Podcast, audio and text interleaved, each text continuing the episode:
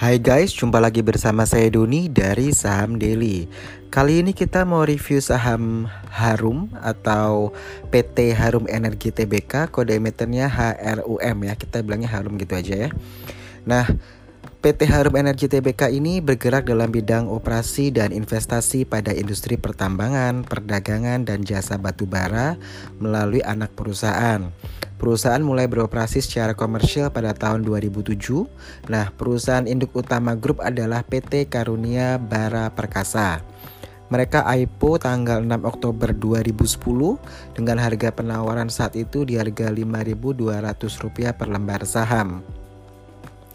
Pemegang saham sendiri 74,05% dikuasai oleh PT Karunia Bara Perkasa, 25,85% dikuasai oleh publik, lalu untuk 0,09% oleh PT Balas Sejahtera Abadi dan sisanya kecil-kecil uh, ya 0,01%. Untuk dividen sendiri Harum ini rutin memberikan dividen tapi sempat pause ya di 2014-15 ya. Oke, saya baca aja.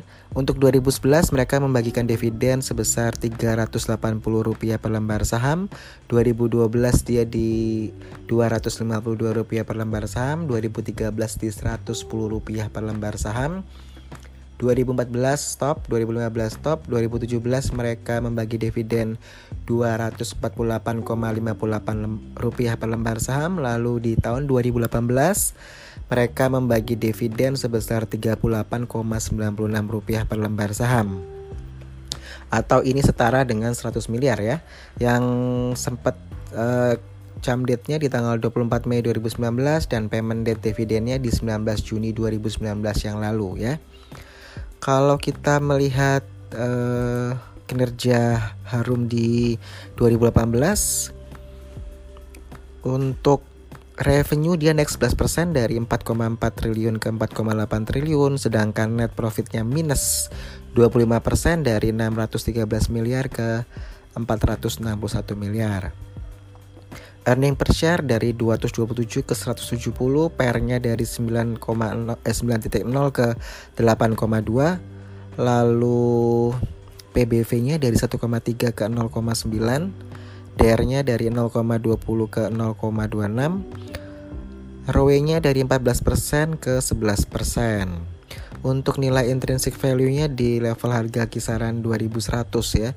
Sedangkan market price uh, as of Jumat 21 Juni kemarin 2019 di harga Rp13.095. Artinya ini undervalued dengan fase pergerakan harga sahamnya masih downtrend ya. Kita lihat lagi untuk pergerakan harga saham satu tahun terakhir ya. Harga saham uh, harga saham Harum ini tertinggi di harga Rp2.850 itu pada tanggal 23 Juli 2018 ya dan terus mengalami penurunan. Jadi memang downtrend terus uh, puncaknya itu tanggal 13 Mei 2019 di level harga 1.255. Jadi kalau kemarin penutupan Jumat sore tanggal 21 Juni 2019 itu di harga 1395. Jadi saya sudah sebutkan tadi bahwa memang dia fasenya downtrend ya dari setahun lalu. Lalu untuk kita lihat pergerakan dari volume transaksi investor asing selama Juni 2018 hingga Mei 2019 kita lihat hanya di bulan Juli saja di 2019 eh sorry hanya di bulan Juli tahun 2018 investor asing melakukan pembelian saham Harum. Tapi setelah itu mulai bulan Agustus 2018 hingga Mei 2019 ini investor asing melakukan penjualan saham Harum. Jadi saya juga nggak ngerti ya kalau ada teman-teman yang uh, melakukan pembelian saham Harum itu alasannya apa nanti mungkin uh, bisa dilihat lebih dalam ya kenapa melakukan pembelian saham Harum di saat dia downtrendnya uh, dari setahun yang lalu begitu ya. Uh, seperti tadi saya bilang tadi saya sempat uh, kasih tahu tentang kinerja 2018 dalam mata uang rupiah ya. Kalau dalam mata uang USD dia di 2018 ini cuma naik 3,41 persen. Sebelumnya kan uh, dari 325,60 juta US dollar ya naik ke 3,41 persen menjadi 336,71 juta US dollar sedangkan uh, beban pokoknya Harum ini juga meningkat sekitar 10 persen ya 10,06 persen uh, dia dari mana nih? Oke. Okay. Untuk yang beban pokok Harum ini dia memang meningkat 10,0 0,6% menjadi 235,22 juta US dollar. Jadi uh, ini juga berimbas pada turunnya laba kotor ya. Laba kotornya turun 9,30% dari 111,80 juta US dollar menjadi 101,48 juta US dollar. Sehingga akhirnya Harum ini mencatat laba tahun berjalan ya yang dapat didistribusikan ke entitas induk induk itu senilai 31,80 eh, juta US dollar. Ini turun 29,77 persen dari tahun 2017, di mana di tahun 2017 itu uh, labanya mereka di 45,28 juta US dollar. Jadi memang penurunan labanya ini memang cukup besar yaitu 29,77 persen.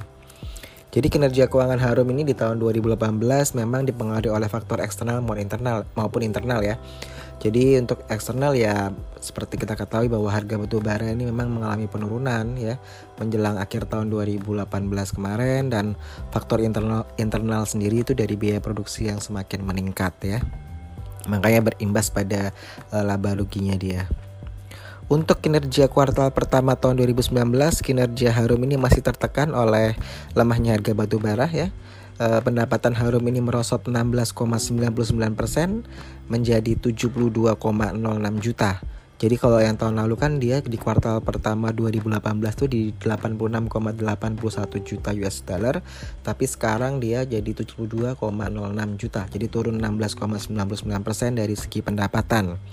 Begitu pula untuk laba bersih dia turun 49,40% ya uh, menjadi 6,38 juta di kuartal persa, uh, kuartal pertama 2019. Jadi tidak heran ya ketika harga sahamnya juga ikut turun begitu karena memang kinerjanya dari Harum ini juga menurun begitu. Nah, yang mungkin teman-teman trader atau investor harus lakukan adalah analisa mengenai posisi bandar ya. Apakah bandar saat ini melakukan akumulasi ataukah melakukan distribusi ya ketika harga saham Harum ini turun begitu. Dan kalau untuk sektor batu bara ini uh, sudah pernah kita bahas ya di podcast Saham Daily. Anda bisa dengarkan aja episode 51. Nah, itu kita memberikan uh, review singkat mengenai uh, sektor batu bara. Untuk kompetitor atau saingan dari saham Harum ini Anda bisa uh, analisa saham PTBA PT Bukit Asam TBK, lalu ITMG, PT Indo Tambang Raya Megah TBK, lalu Indi ya, PT Indika Energi, lalu Adro, PT Adaro Energi Tbk dan masih banyak lagi eh, perusahaan-perusahaan uh, yang terdaftar di Bursa Efek Indonesia di bidang sektor tambang uh, khususnya batu bara ya. Oke, sekian dulu dari saya Doni, Saham Daily out.